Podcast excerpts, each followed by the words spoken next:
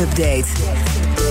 En daarom aan tafel Joe van Buurik. Joe, goedemorgen. Goedemorgen. Nou, dat is Nina, niet, Ja, Nina. niet want die is zo vrijdag als ja. Connor er is. Ja, heel soms. Heel soms. Af en toe treffen tijd wij elkaar wel eens. Ze, ja. kennen, ze kennen elkaar van de vloer, maar ik maak een grapje.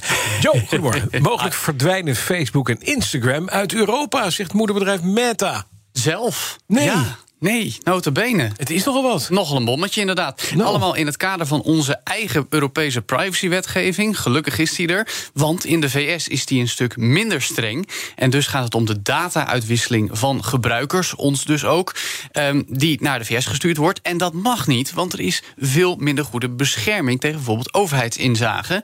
Ehm, ja, Meta is daar natuurlijk wel heel erg van afhankelijk, zeggen ze dan zelf. Ze zeggen zelfs het zou een verwoestende impact op het bedrijf hebben als ze die Europese data niet meer mogen gebruiken. Ehm, en dan zeggen ze. Ik citeer: Waarschijnlijk zijn we niet meer in staat om die diensten, Facebook en Instagram dus, in Europa te blijven aanbieden. Dat blijkt dan uit een document wat ze hebben ingediend bij de Amerikaanse beurswaakhond SEC.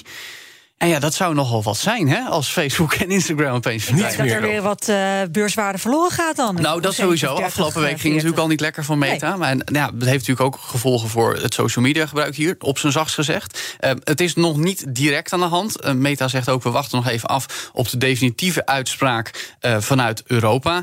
Eh, vermoedelijk komt dat in de eerste helft van dit jaar. Dus voorlopig kunnen we, als je dat wil, maar dan moet je lekker zelf weten, nog Facebook en Instagrammen. Maar wat voor wereld zou het toch worden als dat verdwijnt? Misschien Dezelfde, dezelfde wereld als we nu hebben, Joe, maar dan Ja. misschien een beetje aardig. Nou, vooral denk ik voor de mensen in deze ruimte en nog wat eromheen. Maar Ja. er zijn toch ook een hoop mensen nog steeds die gewoon elke dag Lekker alsmaar blijven Facebooken, ja. op die timeline blijven Maar scrollen, kan- kan- blijven liken. Kan Twitter dit goede voorbeeld natuurlijk niet volgen? Nou, ik denk dat Twitter zijn eigen problemen heeft, maar daar komen we zo meteen nog wel Ja, op. oké. We gaan eerst eventjes naar Noord-Korea. Want Ja. daar zit een meneer die ooit door de voormalige Amerikaanse president... The Rocketman is genoemd. En niet voor niks, want hij schiet graag raketjes af. Mhm. En dat doet hij niet op eigen rekening. Nee. Nee, hij gebruikt daar gestolen cryptomunten voor. Dat staat nu in een rapport van de Verenigde Naties. Tussen 2020 en 2021 zou 50 miljoen dollar aan digitale assets zijn gestolen met cyberaanvallen die vanuit Noord-Korea kwamen. Volgens een ander recent eh, rapport afgelopen maand van Chainalysis zou het zelfs 400 miljoen dollar zijn, de totale waarde.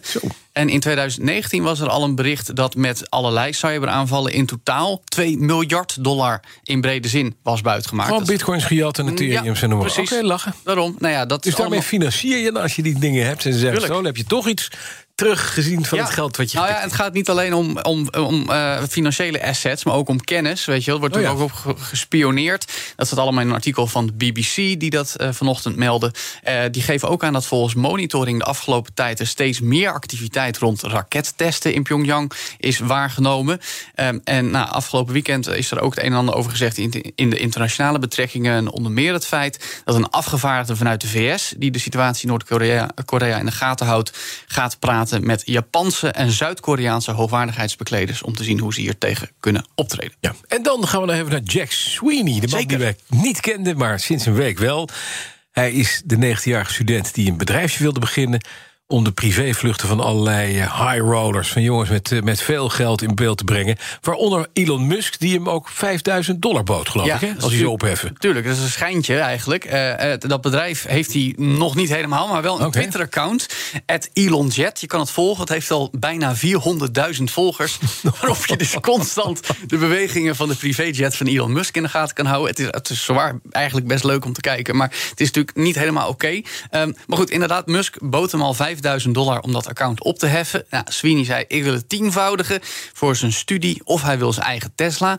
Nu dacht een slimme ondernemer in de VS... en die heeft een piepjong bedrijf in autolease. Ik ga daarop inhaken. Dus die reageerde met een tweet om hem een Tesla Model 3 aan te bieden... Maar ja, dat is dan voor een leasecontract van drie jaar. En daar is Sweeney niet op ingegaan. Nee. Hij wil hem gewoon zelf hebben waarschijnlijk. Ehm, ja, waar ik al zei, ik vind het best geestig. Maar ondertussen is er ook aanzwellende kritiek op Twitter. Het feit dat eh, deze activiteiten worden vergeleken met doxing. Dus het eh, online delen van iemands privé-informatie zonder toestemming. Dat wordt ook vaak gedaan met journalisten bijvoorbeeld. Dat is echt niet oké. Eh, en ook mensen die hardop vragen op Twitter... waarom Twitter dit soort accounts toestaat. Daar kun je ook nog Afstaande vraagtekens bij vraag, zetten. Ja. eigenlijk is het natuurlijk toch al een beetje inbreuk van privé-informatie.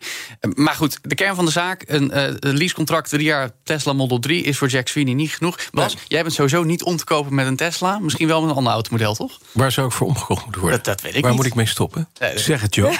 Nee, ik weet niet. Oeh, Waar moet ik Wat bied je? Want als ik, als, ik, als ik nu zeg, dan... dan Nou, het gaat meer om jou überhaupt in een elektrische auto zien te krijgen. en de- ik vind een nieuwe Alpine vind ik leuk. De Oké.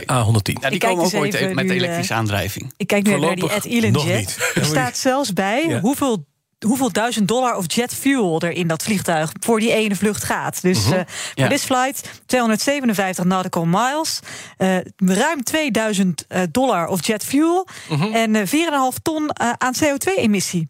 Dat zou inderdaad Elon Musk niet zo leuk vinden. Dit was Austin, Texas. Oh, ja, Ja. en voor de belastingvoordelen die hij daarop strijkt. Ongetwijfeld. Ja, dat Ja, is handig. Fascinerend account dit. Dankjewel, Jo van Buurik.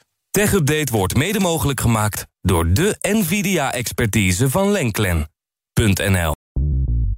Bij BNR ben je altijd als eerste op de hoogte van het laatste nieuws. Luister dagelijks live via internet. Jelle Maasbach. Wesley Weert. We zijn er voor je met het leukste, opvallendste, maar natuurlijk ook het belangrijkste nieuws. Tijdens de presentatie van die halfjaarcijfers toen die beurskoers in elkaar kukkelde. BNR Beurs. Voor de slimme belegger. Blijf scherp en mis niets.